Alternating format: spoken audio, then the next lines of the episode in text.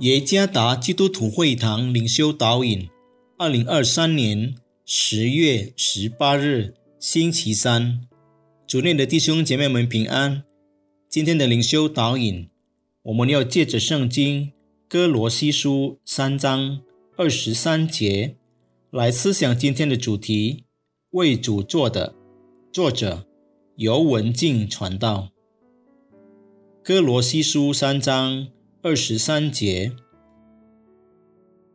无论做什么，都要从心里做，像是给主做的，不是给人做的。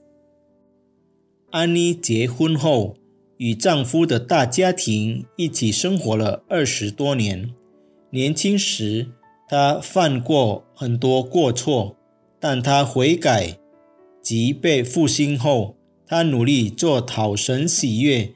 并祝福别人的事，他虽和对他不太友善的叔伯妯娌住在一起，然而他努力尽量忍耐，不让自己的心讨厌他们，甚至做好事来善待他们。安妮说：“他做这一切都是为了神的缘故，尽管艰难，他甘心为神而做。”使徒保罗劝勉哥罗西会众，包括母亲、父亲、孩子、老板和奴隶仆人，无论做什么，都要从心里做，像是给主做的，不是给人做的。哥罗西书三章二十三节，这意味着，无论他们在家里或任何地方，都扮演好各自的角色。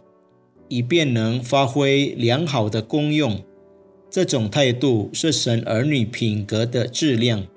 工作和服侍时的全心尽意，是每个神儿女都必须拥有的信誉。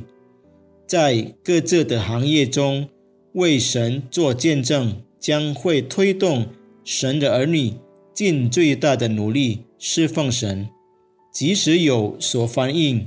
或不友善的对待，也要继续做好事，同时保持你的心不失去喜乐和宽恕。这是我们作为神的儿女生活中的一个学习过程。神用它来塑造我们的品格，使我们变得更像基督。我们这一生常常会遇到各种不愉快的事，将此视为上帝。使我们学习更忍耐，凡事交托，多方祷告及信靠神的过程，将你生活中的问题视为上帝让我们变得更好的过程。不要盯紧于你的大问题，而要转眼仰望伟大的耶稣，做好我们所有的职责和本分，像是给神做的。因此，我们就会感受到新的喜乐、精神和力量，来继续过讨神喜悦的生活。即使在艰难困苦中，尽力做好自己的本分，像是给主做的。愿上帝赐福弟兄姐妹们。